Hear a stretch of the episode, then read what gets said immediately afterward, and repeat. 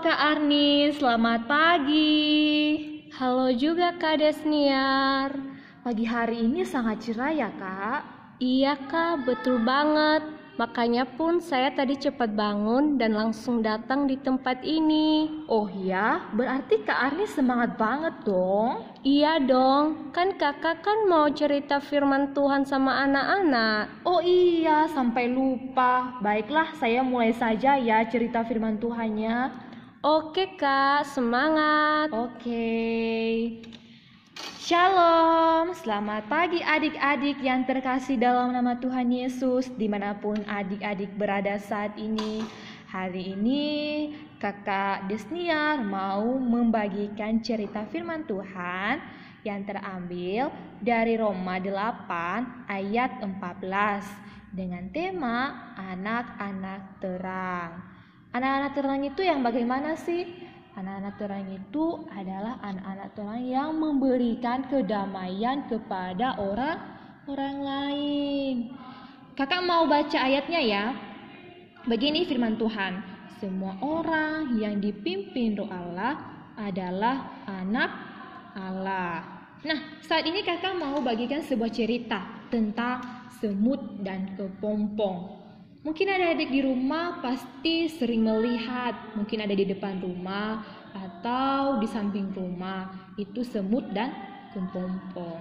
Nah, di sebuah hutan hiduplah binatang-binatang buas seperti semut, kelelawar, laba-laba, kepompong, kancil, dan lain sebagainya.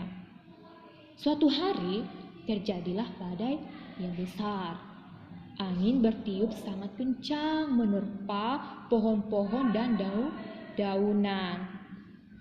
Krak, terdengar bunyi dahan-dahan berpatahan. Banyak hewan yang tidak dapat menyelamatkan dirinya. Setelah badai berhenti, ketika pagi menjelang, matahari pun kembali bersinar hangat.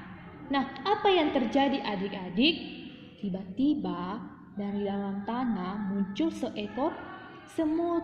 Si semut selamat karena ia sudah berada di dalam sarangnya. Jadi, ketika ia keluar, ia melihat kepompong yang tergeletak di daunan. Si semut pun berkata, "Hmm, alangkah tidak enaknya menjadi kepompong, terkurung dan tidak bisa ke mana mana menjadi kepompong memang memalukan. Si semut pun terus mengejek kepompong. Nah, beberapa hari kemudian, semut berjalan di jalan yang berlumpur.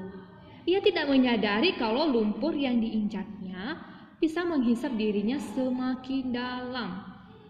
Dan semut pun sulit menyelamatkan dirinya dari lumpur. Semut pun berteriak, Tolong, tolong! Teriaklah si semut dengan sangat kencang.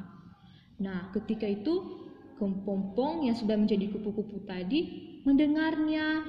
Bahkan dia langsung mendatangi si si semut. Wah, sepertinya kamu sedang kesulitan ya. Si semut pun heran mendengar suara itu.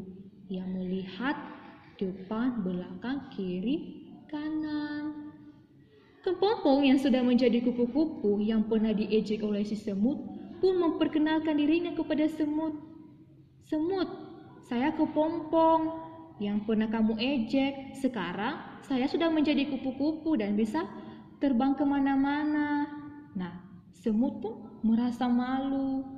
Bahkan dia meminta maaf kepada si kupu-kupu. Nah, akhirnya adik-adik kupu-kupu pun tidak membalaskan kejahatan si semut. Dia pun menolong si semut dari lumpur. Nah, ketika ia sudah menolong dan semut sudah keluar, maka semut pun sangat berterima kasih kepada kupu-kupu.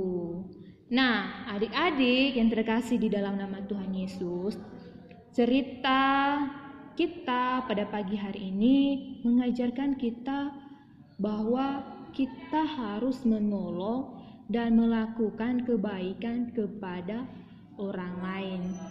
kita ini sudah menjadi anak-anak terang. Seperti yang Kak bilang tadi, bahwa ketika kita sudah menjadi anak-anak terang yang memberikan kedamaian, mengasihi sesama kita, maka kita harus melakukan yang terbaik kepada orang lain karena kita sudah duluan ditolong, disayangi. Bahkan ketika kita sudah memiliki kelebihan, bahkan kekurangan masing-masing dalam diri kita, ada yang bisa nyanyi, menari, dan sebagainya. Bahkan kita tidak boleh mengejek kepada sesama kita yang tidak memiliki ini, yang tidak bisa menari atau tidak bisa nyanyi. Nah, ada dua hal yang Tuhan ajarkan bagi kita sebagai anak-anak terang pada pagi hari ini. Artinya bahwa kita bisa menjadi anak terang yang bisa menolong orang lain, yang bisa mengasihi, yang menerima keadaan satu dengan yang, la yang lain, menerima kelemahan dan kelebihan satu dengannya yang lain. Nah, adik-adik, mungkin singkat saja cerita firman Tuhan yang perlu kita ingat pada pagi hari ini supaya kita bisa melakukan firman Tuhan ini dalam kehidupan kita semuanya ya adik-adik Demikian firman Tuhan, di mana pun kita berada, Tuhan Yesus memberkati kita semua. God bless you.